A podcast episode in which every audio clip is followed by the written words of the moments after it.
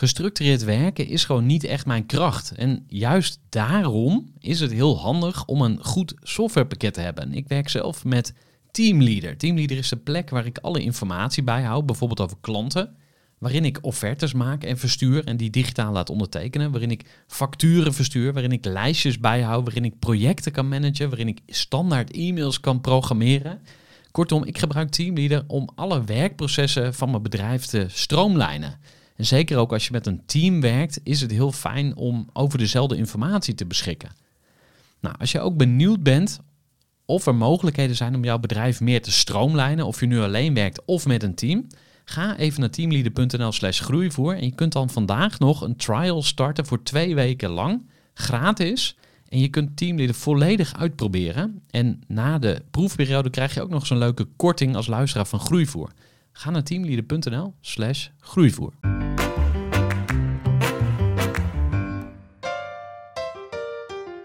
Welkom bij de Groeivoer podcast. Mijn naam is Gerard Velde en in deze aflevering ga ik in gesprek met Anne van Oudheusden. Anne is eigenaar van het bedrijf Caribou en dat bedrijf heeft ze samen met haar zus Lotte opgezet. Toen ze begonnen met het bedrijf heette dat nog de poetsstudent en de oppasstudent. Dat waren de twee diensten waarmee Anne en Lotte ooit begonnen in Amsterdam. Zij hadden een hele groep studenten die ze inzetten voor schoonmaakwerk en oppassen bij mensen thuis. Al snel ontstond het idee om ook iets te gaan doen met senioren. En daarom begonnen de dames het bedrijf De Senior Student. En zo kwamen ze eigenlijk steeds meer en meer achter hun missie dat is het leveren, het regelen van de meest sociale bijbaan voor studenten. Inmiddels zit het bedrijf niet alleen in Nederland, maar is er ook een vestiging in Berlijn. En zijn ze op dit moment keihard aan het werk om het bedrijf naar het volgende niveau te tillen. Dat ondernemen niet altijd over rozen gaat, weet iedereen. En daarom is het mooi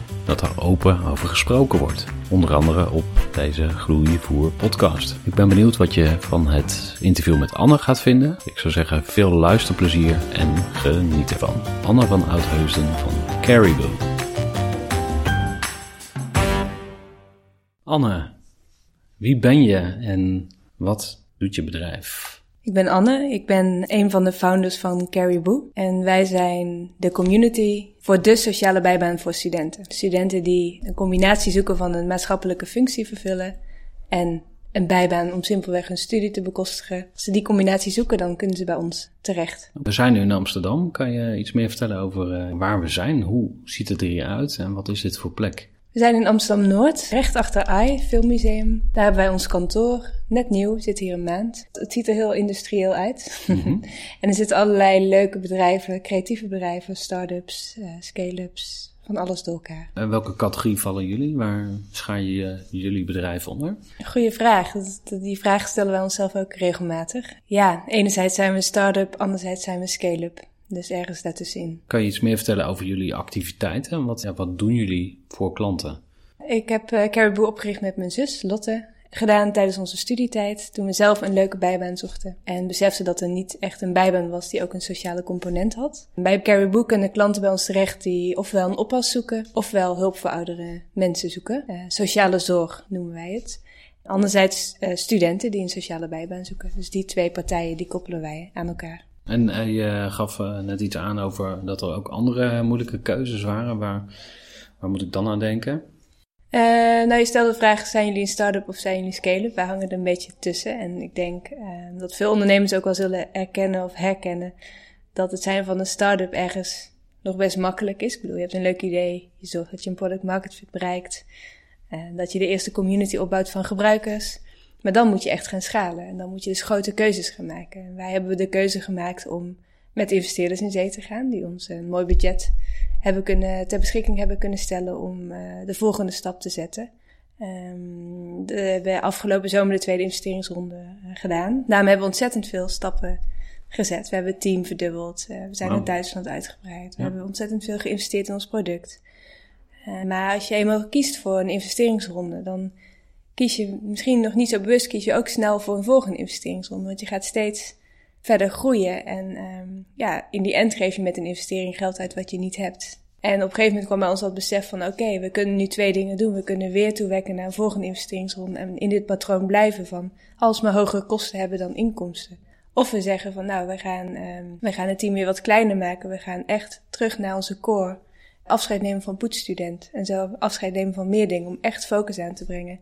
En zorgen dat we een gezond bedrijf worden wat naar break-even toe werkt. En dan mogelijk weer een keer met een investeerder praat, maar niet uit afhankelijkheid, uit noodzaak, maar uit ja. uh, echte groei. Ja. En ik denk dat de scale-up fase, uh, het echte groeien, dat is waar je het verschil moet gaan maken. En dat is ook veel moeilijker dan een start-up zijn. Ja, dus dat is eigenlijk de test van je concept. Of het zeg maar in, een, in die volgende serieuze fase, of het dan nog steeds overeind blijft.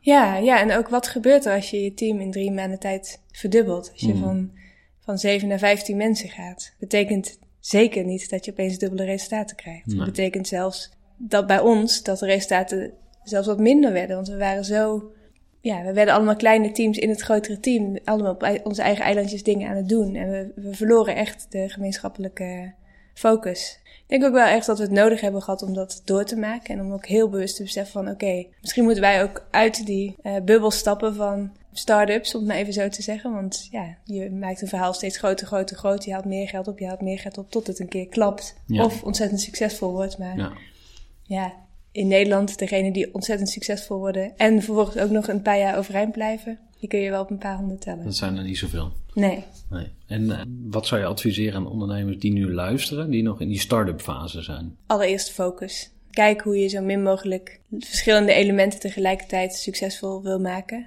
Uh, durf nee te zeggen. Kijk of je echt omzet kunt genereren met jouw product voordat je met investeerders aan boord gaat. Ik zou nooit zeggen investeerders doe het wel of doe het niet, want dat is echt per situatie verschillend. Maar ik denk wel dat het merendeel van de investeringen beter niet gedaan hadden kunnen worden.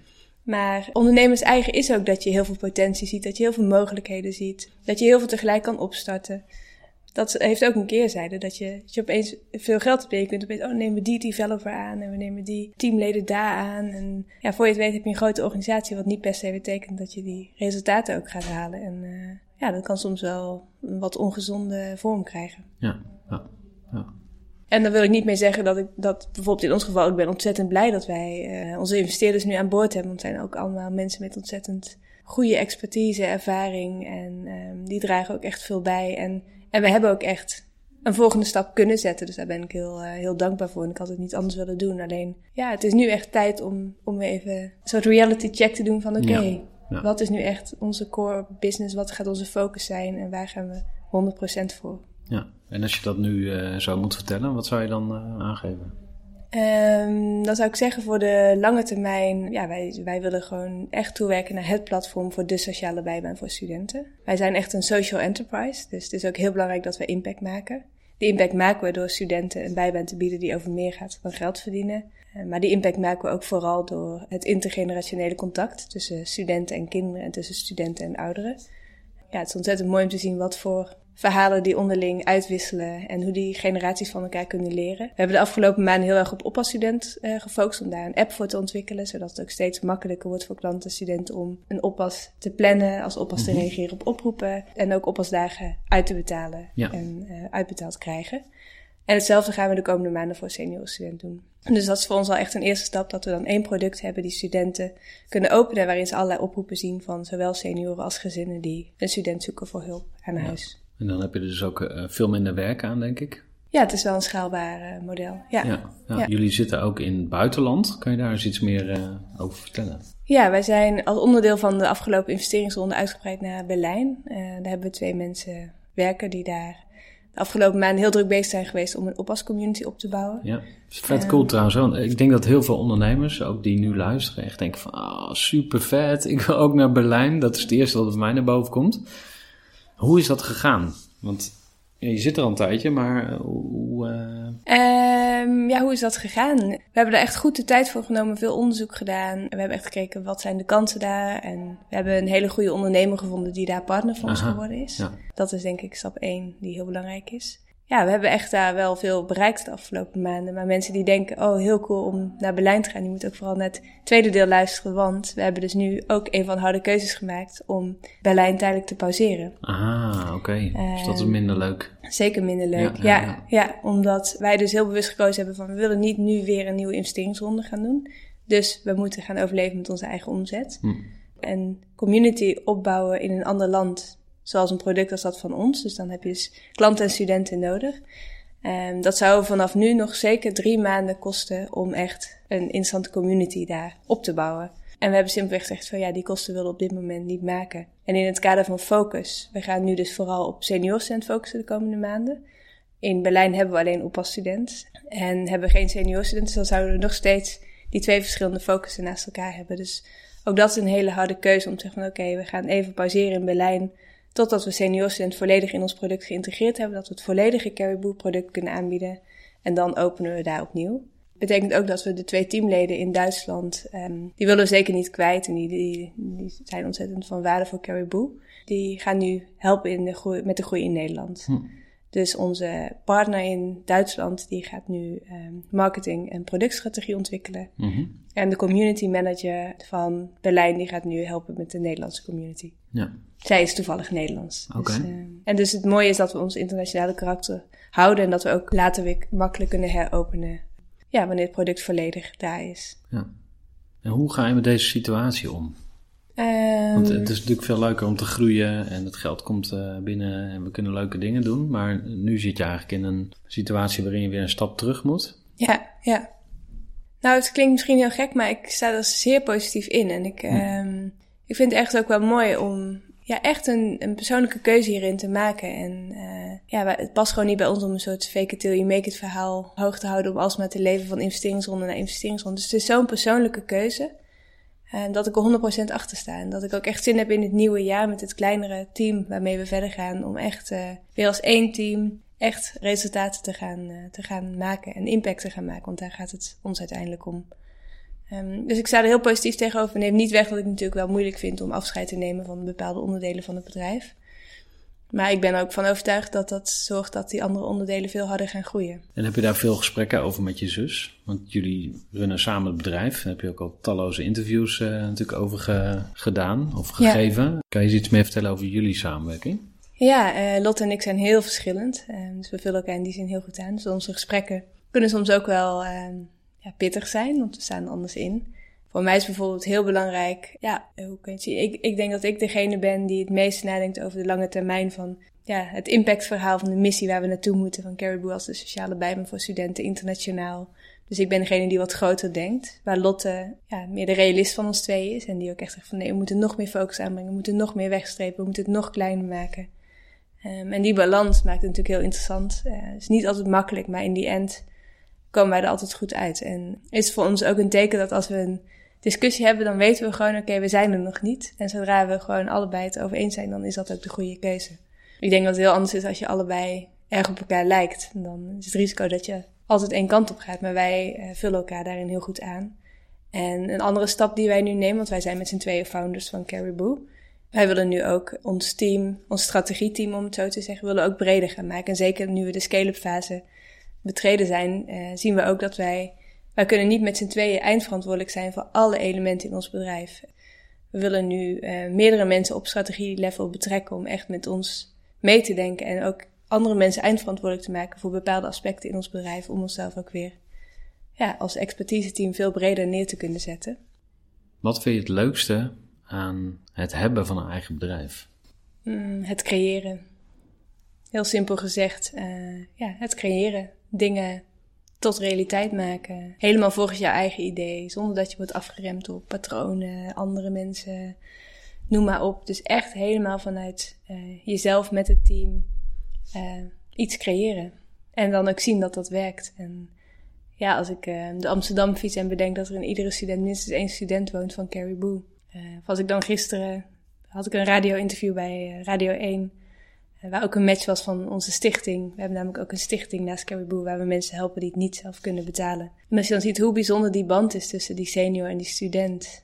Ze zijn allebei, um, ja, zoals de senior mooi zei, roze. Ze is een roze senior, oftewel ze valt op vrouwen. Mm. En haar student ah, ook. Mm Dus dat is een ontzettend mooie match om dan gesprekken te hebben over uh, ja, feminisme, de roze stad. Vroeger, hoe het nog allemaal verboden was in haar tijd. En hoe ze dingen stiekem moest doen. En hoe het nu voor de student uh, ja, niet eens een taboe was om uit de kast te komen. Omdat het zo geaccepteerd is in haar omgeving nu. Ja, het is ontzettend mooi om die interactie te zien en de verhalen die ze uitwisselen. En dan denk ik, ja, hier, hier doen we het gewoon Daar voor. doe je het voor.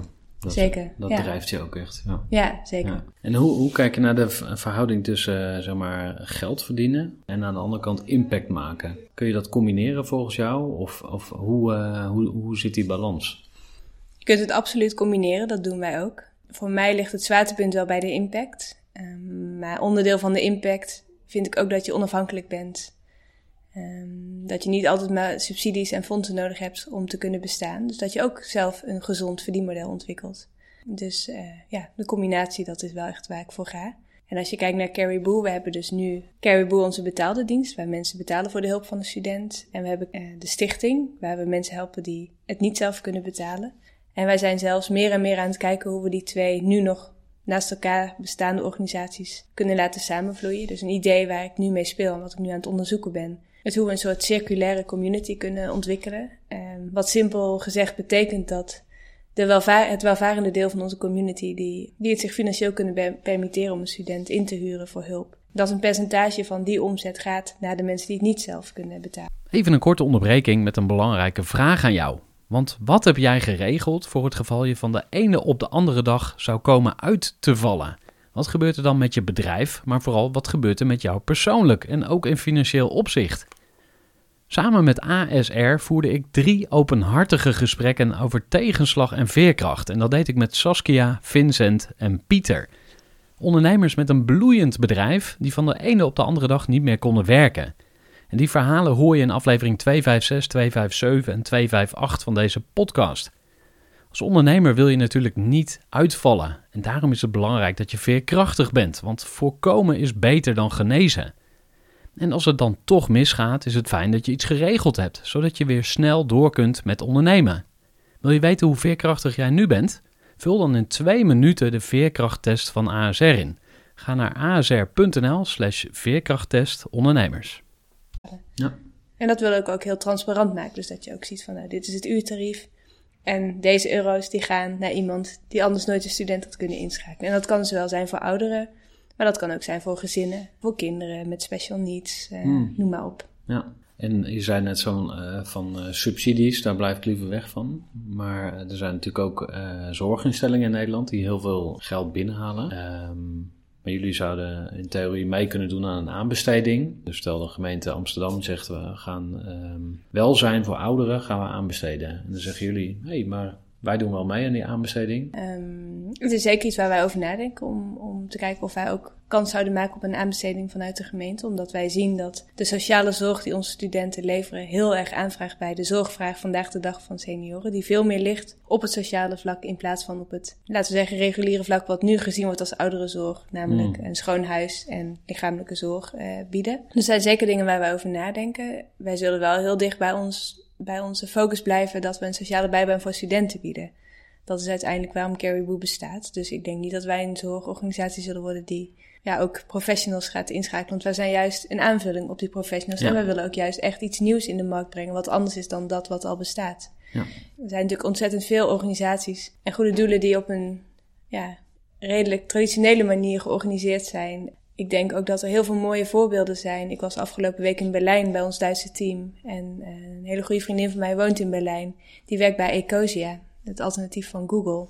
En 80% van de omzet uh, van Ecosia gaat naar het planten van bomen. En wat zij doen, en waar heel veel traditionele organisaties van kunnen leren in mijn optiek, mm -hmm. is de 100% transparantie die zij uh, bieden. Mm -hmm. Dus iedere maand publiceren zij hun financieel rapport. Ze laten precies zien deze maand is er 700.000 euro naar nieuwe bomen gegaan.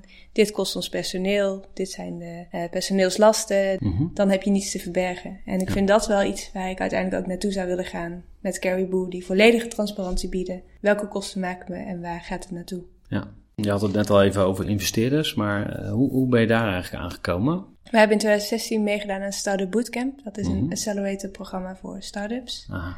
Um, heel leerzaam traject geweest. Ontzettend veel boeiende mensen leren kennen. Ontzettend grote stappen gezet. Uh, en in dat netwerk hebben we ook onze eerste investeerders gevonden. Dus in 2016 hebben we de eerste ronde gedaan. En in 2018 hebben we de tweede ronde gedaan. Ja, en nu heb je dus even uh, on hold gezet. Dus geen, er komen geen nieuwe financieringsrondes meer aan. En Zijn jullie nu nog in control van het bedrijf? Of, uh, want dat hoor je natuurlijk ook wel vaak, dat uh, aandeelhouders of de externe investeerders eigenlijk de baas worden. Ja, absoluut. We hebben ja. uh, by far nog de meerderheid van de aandelen. Oké, nou, gefeliciteerd. Is belangrijk.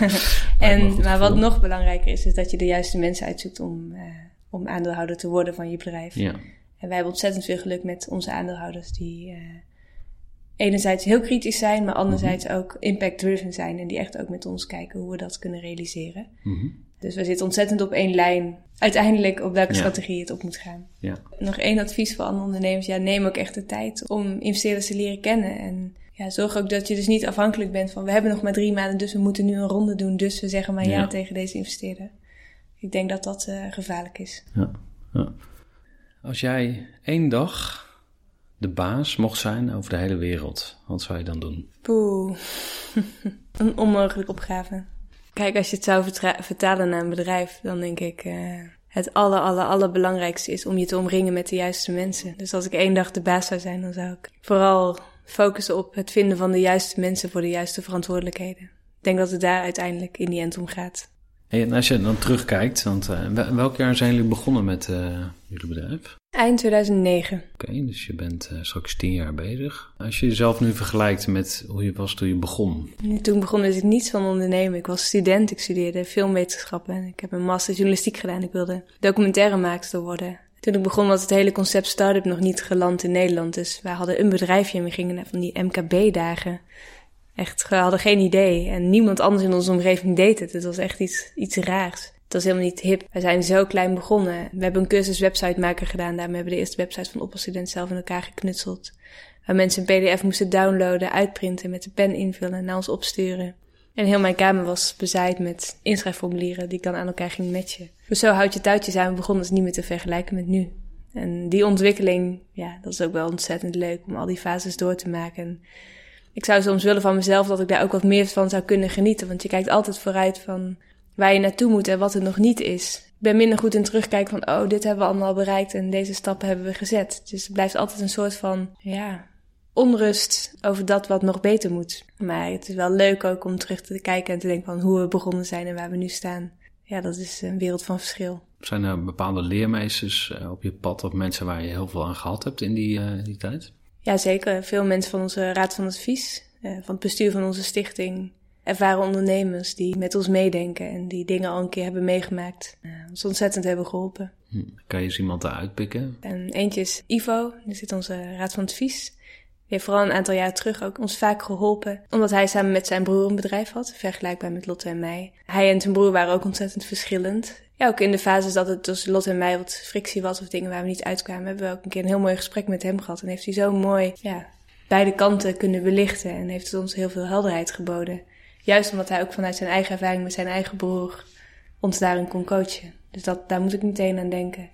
En andere adviseur is Fabian, die in Berlijn woont. Die een platform heeft gehad uh, waar studenten hun woning konden verhuren voor wat meer langdurige verhuur. Mm -hmm. Dat is uiteindelijk gekocht door Rocket Internet, de partij die ook achter uh, mm. Helpling, Zalando, ja. grote, grote dingen zit. En het is een ontzettend harde les voor hem geweest. En hij heeft ons ook wel wakker gehouden van jongens, Ga niet zomaar in zee met investeerders. Blijf bij je focus, maak het kleiner. Denk niet dat je in één keer de wereld kunt veroveren, want zo werkt het gewoon niet. Mm -hmm. Dus hij heeft wel een paar keer een reality check bij ons bezorgd. En daar zijn we uiteindelijk heel dankbaar voor. Hm. En waarom was dat nodig dan? Omdat je als ondernemer, wat ik net ook noemde, dat je zoveel kansen ziet. En uh, alle kansen die op je pad komen, daar word je enthousiast van. Want dat is het bloed van ondernemers wat, gaat, stro- ja, ja, ja. wat gaat stromen. Ja.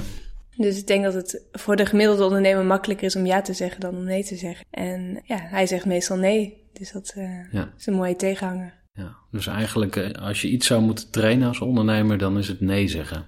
Ja, dan is het nee zeggen, oftewel focussen. Als je morgen een nieuw bedrijf zou uh, mogen starten, wat zou je dan doen? Nou, ik, ik speel al een tijd met een idee samen met mijn vriend, uh, Hendrik, die ook ondernemer is. Oh, waar heb je me ontmoet? We hebben een heel leuk ondernemersdiner. Eens. Het heet Groeivoer. Oh joh. Toevallig dezelfde naam als deze podcast. De enige reden waarom ik groeivoer begonnen ben, was hier om mensen bij elkaar te brengen. ja, en, en aan jou te danken. ja, Ja, nou ja, dat niet. Maar, Nee, wel. Het wel heel anders was ik er nooit geweest. ja. Ja. Dus jij hebt eigenlijk je vriend ontmoet bij Groeivoer. En Groeivoer, dat is niet alleen een podcast, maar ook een ondernemersnetwerk waar ondernemers met elkaar eh, gaan eten. Ja, En op een gegeven moment hadden we een, een etentje in een werfkelder in Utrecht. En jij zat volgens mij al binnen. nee, was het al? was die avond dat Of het ontzettend, dat? die avond dat het ontzettend gestormd had. Dat mensen Mhm. filmpjes rondstuurden van mensen die over een plein rolden en de daken die van de huizen vlogen. En ik was in Amsterdam als enige. Niet-Utrechter kwam ik naar dat di- diner. Dus ik kon er eigenlijk in eerste instantie helemaal niet komen. En uiteindelijk was ik al naar het station geweest, want er zou één trein wel rijden. En op een of andere manier wilde ik ook echt graag naartoe. Toen uiteindelijk kon ik met iemand meerijden. Toen kwamen we daar aan bij de werfkelder. En toen stond Hendrik, mijn vriend inmiddels, stond heel op de deur te bonzen omdat niemand binnen hoorde dat hij buiten stond. En toen dacht ik meteen, oh, die is leuk.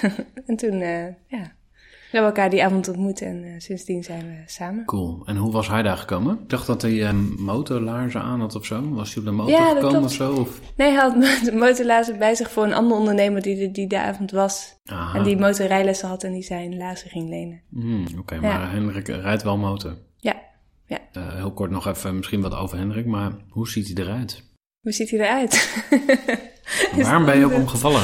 Ja, nee, ja, hoe is- ja, het is gewoon een heel, hele fijne man. En het is ook heel leuk dat hij ook ondernemer is. Dat is echt zo'n verrijking van mijn leven. We kunnen, ja, als we thuiskomen, praten over waar we mee bezig zijn. Hij snapt het meteen. Een half woord genoeg. En we zitten ook heel vaak heerlijk samen in een cafeetje te werken. Hmm. Ik moet natuurlijk veel naar Berlijn. Dan gaat hij gezellig mee. Oh ja, En dan werkt hij ook gewoon in Berlijn. Eh, dus dat is echt enorm fijn. Ja. cool. En wat doet zijn bedrijf? Hij heeft eh, bedrijf, twee bedrijven. Eentje is een bedrijf waarmee ze op allerlei manieren de ontwikkelingshulp en impuls geven. Ehm, dus daarvoor is hij bijvoorbeeld veel in landen als Oeganda, Vietnam, Laos, eh, waar hij allerlei projecten opzet. En zijn andere bedrijf heet Nature Quest. En daar, dat is eigenlijk het abonnement op de natuur. Hm. Dus je kunt lid worden van Nature Quest en daarmee doe je allerlei ja, leuke activiteiten in de natuur. Hm. Waarbij hun belangrijkste product, om zo te zeggen, is dat je een solo doet. Oftewel dat je minimaal 24 uur alleen in de natuur bent. Zonder eten, dus je vast. Maar ook zonder allerlei andere attributen die Zo. je normaal bij je hebt. Om echt helemaal tot jezelf te komen. En de vraag te stellen, wat is er als er niets meer is? Wauw. En dat heb jij ook gedaan, zo'n eh, solo? Ja, ja. Dat heb Wat ik, gebeurde eh, er toen? Kan je daar iets over? eh, kan je dat nog herinneren?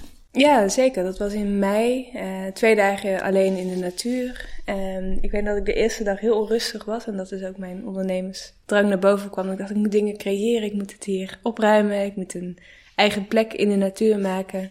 En dat ik dus besefte hoe moeilijk het voor mij is om, om echt stil te zitten. Om echt stil te zijn. En om even helemaal niets te moeten. En de tweede dag heb ik heel veel gemediteerd. Heb heel veel yoga gedaan. Ja, lukt het mij om die rust te pakken. En dat is wel een thema voor mij, denk ik. Om, ja, om mezelf af en toe rust te gunnen. We dwaalden een klein beetje af, want ik vroeg je wat voor bedrijf zou je willen starten als je morgen opnieuw mocht beginnen? Wat, wat voor ideeën heb je?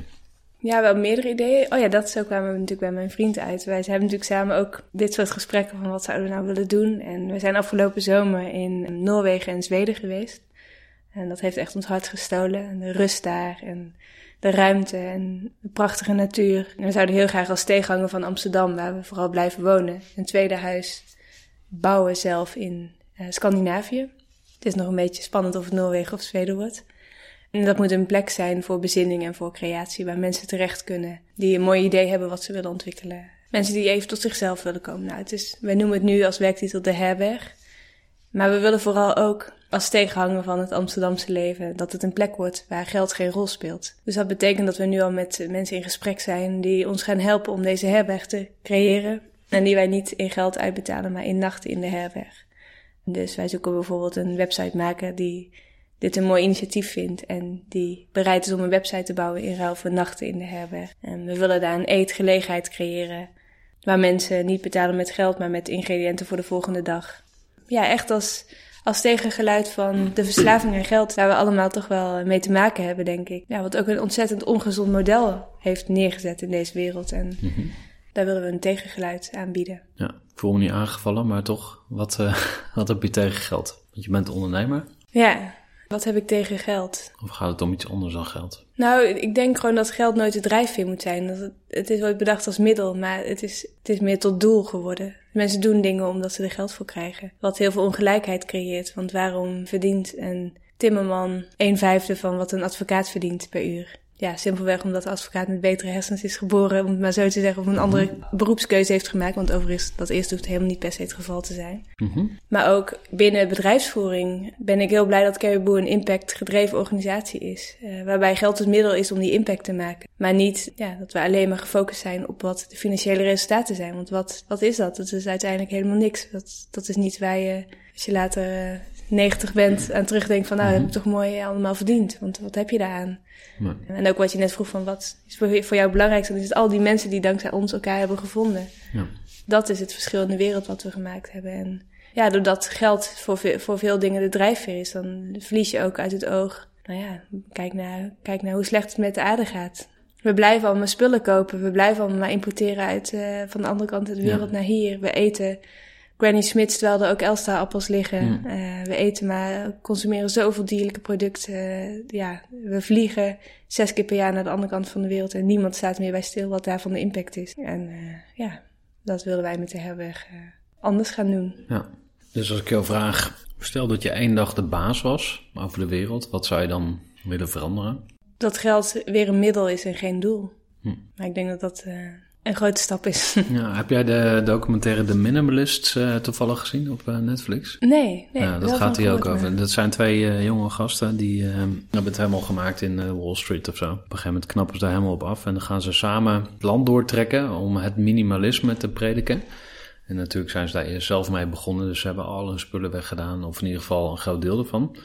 Maar ze hebben wel gewoon een bank, een tafel, een stoel, eh, eh, vijf overhemden, eh, twee truien, weet je wel. Ze hebben wel spullen. Volgens mij hadden ze op een gegeven moment 333. Dat was een soort uh, heilig getal van we willen terug naar 333 items. En de rest gaat allemaal weg. Nou, daarmee gaan ze dan het hele land doortoeren. En op een gegeven moment komen ze bij de Today Show.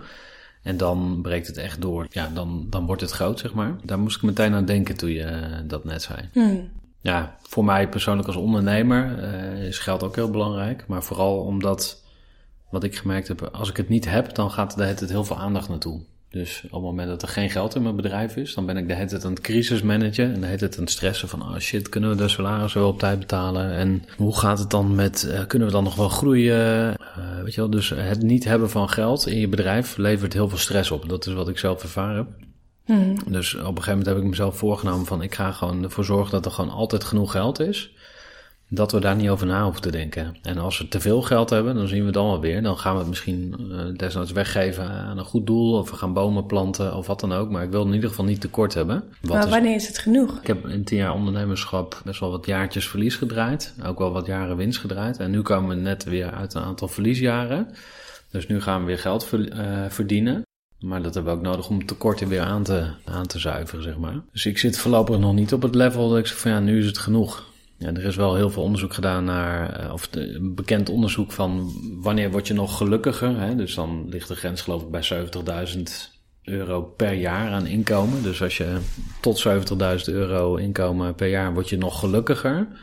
Maar daarboven, dan, als je nog meer geld krijgt, dan word je niet meer gelukkiger. Dus dat, hmm. daar zit sowieso een, eh, een grens aan. Maar ook in je bedrijf, ja, wanneer is het genoeg? Uh, als je klanten uh, goede diensten krijgen, als je medewerkers gewoon een leuk en een goed salaris hebben, als je kan doen wat je wil, als je een keer wat weg kan geven. Ik geef ook graag dingen op andere manieren weg, dus niet per se geld, maar ook tijd. Gratis uh, ondernemers coachen of je inzetten voor een stichting of een goed doel oprichten of wat dan ook. Dus er zijn allerlei manieren om te geven. Mhm. Het enige waar ik dus me nog wel eens tegen verzet is de heksenjacht tegen geld. Want dat vind ik in ondernemersland kun je er ook in doorslaan. Dat je zo tegen geld bent. Dat gaat mij dan weer te ver. En ik van, ja... En wat, uh, wat bedoel je daarmee? Wat is... Nee, het is een hele genuanceerde discussie. Dus uh, waar ik in geloof is dat je, laat ik zo zeggen, voor mij is geld, denk ik, staat denk ik op nummer drie. Dus op één staat een mooi bedrijf mezelf ontplooien en mooie dingen doen. En drie is geld verdienen. En waarom? Omdat ik met dat geld impact kan maken. Dus uh, een uitspraak die ik heel mooi vind is: You can't pour from an empty cup. Dus je kan niet uitdelen als je niks hebt. Dus ik wil uh, geld verdienen, zodat ik daarmee weer nieuwe dingen kan doen. Dus dan heb je ook iets om te delen. Als je naar de extreme kijkt, hè, dus als je de quote 500 openslaat, dan eh, staat daar uh, Frits Goldsmeding.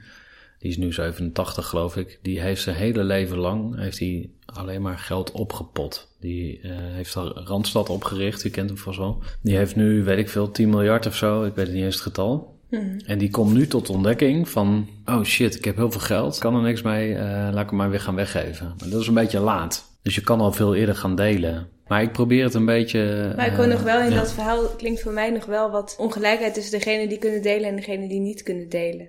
Hm. Het is ook nog wel. Um, ja, hoe kijk jij daar tegen? Uh, ja, ongelijkheid, die is er gewoon. Dus uh, wij, wij zijn misschien dan gelukkig of gezegend of wat dan ook. In een goed land geboren, toevallig. Met de, de, de juiste huidskleur tussen aanhalingstekens. Met een goed stel hersens. Dus we hebben heel veel geluk gehad en we hebben heel veel om dankbaar voor te zijn. En wat ga je ermee doen? Ga je dat alleen maar naar je toe trekken en voor jezelf gebruiken en jezelf verrijken, zeg maar? Of ga je, ga je weggeven wat je kan missen? En misschien dat de ongelijkheid iets kleiner wordt. Maar we zouden toch niet dankbaar moeten zijn voor die ongelijkheid, maar we zouden daar toch heel boos om moeten zijn? Nee, ik ben, ik ben niet dankbaar voor de ongelijkheid. Ik ben dankbaar voor wat ik gekregen heb. Dus dat is de ongelijkheid, toch? Nee. Want dat wat jij niet krijgt, kan een ander niet krijgen. Mm. En daar zit denk ik ook het probleem met geld. Hm. Dat, is zo, dat is zo gerelateerd aan macht, aan maar net in het goede land geboren zijn. Mm maar net beter bedeeld zijn uh, met intelligentie. Er zit zoveel, zitten zoveel oneerlijke factoren in die bepalen hoeveel, welke mate van geld jij krijgt mm -hmm. al bij je geboorte. Ja. Wat voor mij zo'n bevestiging is dat het ontzettend ongezond is om in stand te houden. Mm -hmm. Ja, wie, als je het aan mensen op straat vraagt, uh, ben je voor of tegen ongelijkheid? Zijn er mensen die zeggen: Ik ben voor ongelijkheid, ik zou willen dat ongelijkheid nog groter wordt? Ik denk niet direct, maar als je zou vragen of mensen een concessie willen doen om wat van hun eigen eigendommen, wat je, waar je vraagtekens achter kunt zeggen, maar wat zij zien als hun eigendom, als hun goed recht, ja. daar zullen weinig mensen afstand van doen. Ter gunste van de ander. Ja, maar misschien ook heel veel mensen wel. Als je het aan mij zou vragen, dan zou ik misschien niet afstand van alles doen, maar ik zou misschien wel een stuk willen geven. Dus als je dan moet kiezen van uh, helemaal niks of alles, of zit er nog iets tussenin, zeg maar. Dit is een thema wat mij uh, ook persoonlijk raakt, omdat ik heel lang uh, in het bedrijf heel hard gewerkt heb voor heel weinig geld. Sterker nog, moest geld bij. Dus op een gegeven moment heb ik mezelf een soort van bevrijd van het taboe op geld. Dus ik heb gewoon tegen mezelf gezegd van oké, ik ga gewoon geld verdienen, punt. Ik laat los wat mensen van mij denken op dat punt. Want zo kan je niet leven, snap je? En eh, als je continu nadenkt van, oeh, wat zouden mensen van mij denken? Dat is gewoon, ik vind dat geen gezonde basishouding. Maar mensen denken altijd wat van je. Het, grappige is, ik rij bijvoorbeeld in een uh, BMW. En wat denken mensen als ze mij, als ze in een BMW iemand zien rijden, oh, dat is een ASO. Nou, en dan vind ik het dus grappig om mensen juist extra voorrang te geven in het verkeer. Dus ik ga graag juist tegen het vooroordeel in. Mm Nou, en als het om geld gaat, uh, ik snap heus wel dat uh, het niet om geld gaat. Een goede vriend van mij die zegt, ja, je moet juist veel tevredener zijn. Dus probeer nou met minder genoegen te nemen. Ja, dat, is, dat kan best wel een uitdaging zijn. Ja, absoluut. Ja, maar ik denk, ja. ik voel me verantwoordelijk voor het bedrijf. Dus als ik puur zakelijk naar kijk, denk van ik wil gewoon een bedrijf neerzetten wat gewoon, waar niet continu een soort stressmanagement of een soort crisissituatie is, omdat we tekort hebben aan geld. En hoe zou jouw bedrijf um, er anders uitzien als, als geld geen rol speelde? Als je geen omzet hoefde te maken? Ik denk niet, niet heel erg anders. Wij bemiddelen mensen en we hebben daar hele, hele, eigenlijk best wel mooie gesprekken ook met die mensen. En dat gaat echt wel over andere dingen van, uh, nou, wat staat er allemaal op je cv? We kijken echt van, ja, wie zit er tegenover ons? Wat, wat voor uh, wensen, dromen en verlangens heeft die persoon? Hoe, hoe kunnen we daar een baan bij zoeken die bij die persoon past? Wij hebben niet uh, het stempel van social enterprise zeg maar, in ons paspoort. Maar ik denk namelijk dat er heel veel ondernemers zijn die ook helemaal niet met geld bezig zijn. Die toevallig zijn gaan ondernemen. Die zijn er een beetje ingerold. Die wisten de ballen van geld verdienen. En, en dat is dus een heel andere categorie dan de ondernemers die zijn gaan ondernemen omdat ze geld wilden verdienen. Dat is een hele andere categorie. Hmm. Ik ben er ook maar gewoon ingerold. Maar op een gegeven moment dacht ik wel van ja, fuck. Uh, ik heb geen zin om iedere keer uh, aan mijn medewerkers te vragen van joh, kan het salaris een paar dagen later, want ik heb het niet. Hmm. Dus ik dacht, nee. ja, ik wil dat gewoon once and for all oplossen. Dus ik ga op zoek naar klanten die gewoon goed willen betalen. Ja. Ik wil heel veel waarde toevoegen, want anders gaan ze me ook niet betalen. Mm. Dus daar ben ik nu, ook als ik nieuwe bedrijven ga starten, wil ik ook gewoon, of zeg gewoon vanaf het begin van, ja, het is gewoon een stichting. Punt. Ook goed. Of het is een bedrijf, ja, het kan ook iets ertussenin zijn. Je kan ook zeggen, joh, ik, ik hoef geen winst te draaien. Kan ook. Dat zijn allemaal keuzes. Ja, ja. ja, en even ter verduidelijking, het is niet dat ik per se tegen geld ben. Ik ben tegen geld als doel. Dat is wel een belangrijk. Dat is een belangrijke, ja. Um, want ik vind ook dat het, wat ik net al eerder zei, dat een bedrijf gezond moet zijn in de zin dat, dat, dat het haar eigen broek omhoog kan houden. Dus dat geldt ook voor Carrie Boo, vind ik het belangrijk. Dat we niet meer geld uitgeven dan dat er binnenkomt. Dus dat is ook waar we nu naartoe werken. En dat betekent niet dat wij nooit meer een investeringsronde gaan doen, maar dat betekent dat wij geen investeringsronde gaan doen, omdat we anders niet overleven. Dat betekent dat wij alleen een investeringsronde willen doen, een nieuwe, als dat betekent dat we samen met die investeerder grotere impact kunnen maken, grotere groei kunnen bereiken. Ja.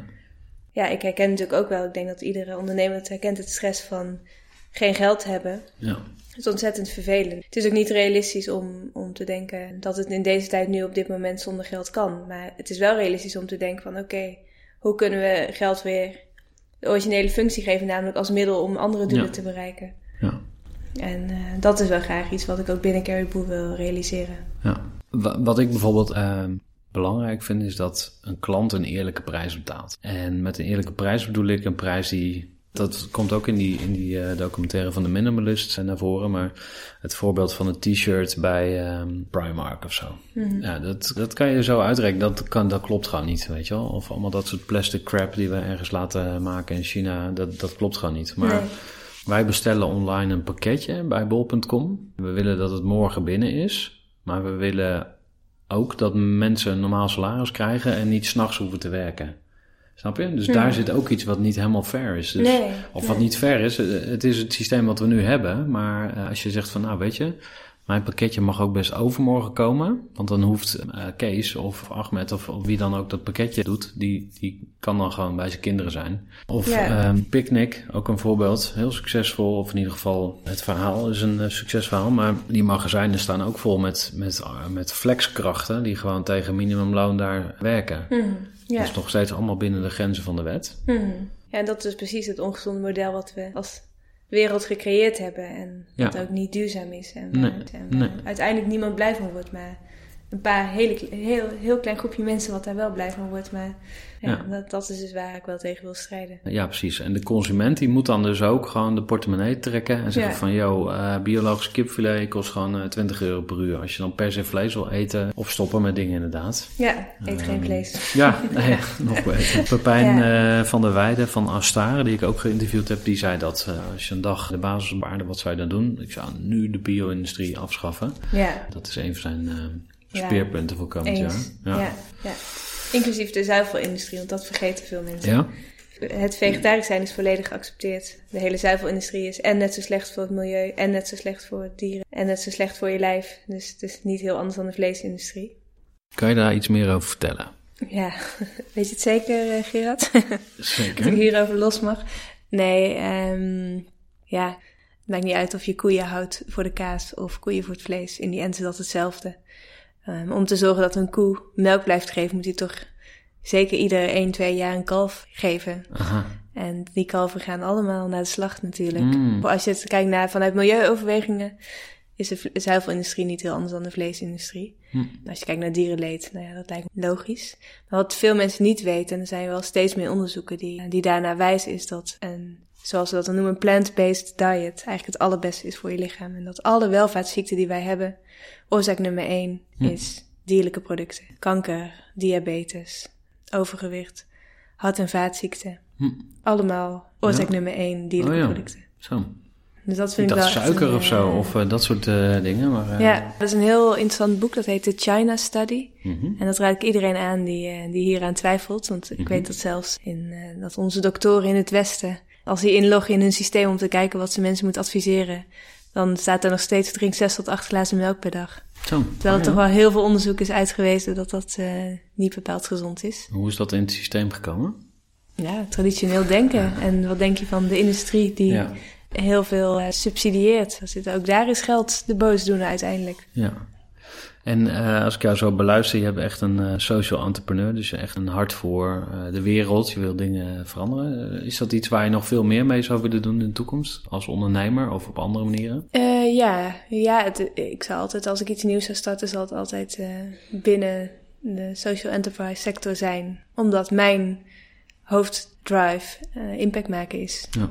En is ondernemen dan de beste manier? Voor mij wel, omdat ik dan ja, zelf echt dingen kan creëren en ook zelf kan bepalen waar ik mijn tijd aan besteed. Want het leven is kort. En ook omdat je als ondernemer veel sneller veranderingen teweeg kunt brengen dan in een grote logge organisatie. Het is ook bijna niet mogelijk. Je kunt het ook bijna van die traditionele organisaties niet vragen om zo snel te innoveren als dat start-ups kunnen.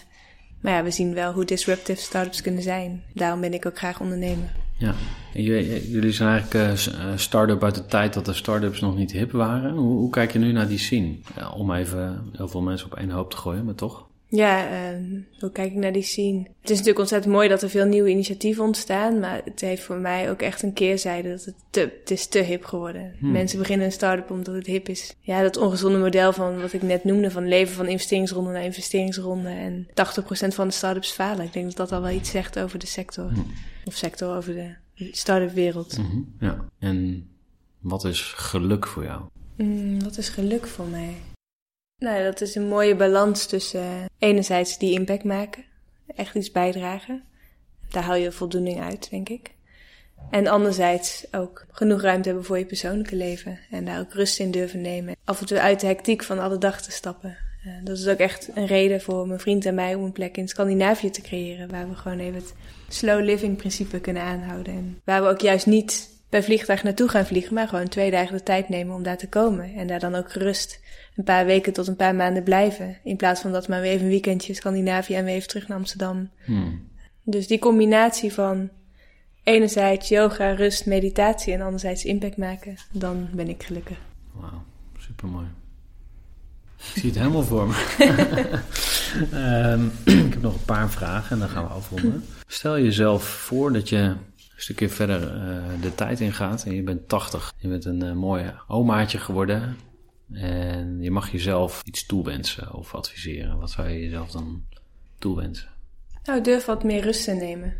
Het leven is lang genoeg. Ik denk dat dat voor mij belangrijk is. Dat ik, uh, ja, ik mag wel wat meer achterover zitten. Hmm, cool. Thanks Anne. Ik vond het een mooi gesprek. Dankjewel. En um, ja, ik denk dat we nu uh, gaan afsluiten. Dankjewel. En tot zover dit interview met Anne van Oudheusden ben benieuwd wat jij van het interview vond. Als je tips of suggesties hebt en andere ideeën voor mensen die ik misschien wel kan gaan interviewen voor de Groeivoer podcast, laat het gerust weten. Als jij het leuk vindt om een reactie achter te laten, kun je dat ook altijd doen via de iTunes Store. Als je daar een beoordeling achterlaat, krijg je ook een gratis zakkompas. Maar veel toffer vind ik het als je andere mensen deze podcast laat luisteren. Dus tip gerust een ander. Doe je mij een plezier mee. En misschien ook wel een andere ondernemer die dit soort verhalen leuk vindt om te luisteren. Speciaal voor de luisteraars die het leuk vinden om mee te doen aan een winactie, hebben we ook een mooie aanbieding. En dat is dat je een oppasstudent gratis kunt winnen voor twee maanden lidmaatschap ter waarde van 22 euro. Of een seniorenstudent. Daarbij betaal je dan geen inschrijfkosten ter waarde van 25 euro. Als je kans wil maken op die prijzen, een oppasstudent of een seniorenstudent van Caribou, ga even naar mijn website gerardevelde.nl slash caribou en daar vind je meer gegevens over hoe je die prijs kunt winnen. Tot de volgende editie en een hele fijne dag nog gewenst. Gestructureerd werken is gewoon niet echt mijn kracht. En juist daarom is het heel handig om een goed softwarepakket te hebben. Ik werk zelf met Teamleader. Teamleader is de plek waar ik alle informatie bijhoud, bijvoorbeeld over klanten. Waarin ik offertes maak en verstuur en die digitaal laat ondertekenen. Waarin ik facturen verstuur, waarin ik lijstjes bijhoud, waarin ik projecten kan managen, waarin ik standaard e-mails kan programmeren. Kortom, ik gebruik Teamleader om alle werkprocessen van mijn bedrijf te stroomlijnen. En zeker ook als je met een team werkt, is het heel fijn om over dezelfde informatie te beschikken.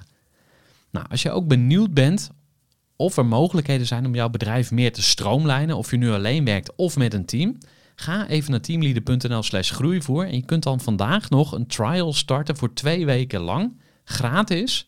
En je kunt Teamleader volledig uitproberen. En na de proefperiode krijg je ook nog een leuke korting als luisteraar van Groeivoer. Ga naar teamleader.nl slash groeivoer.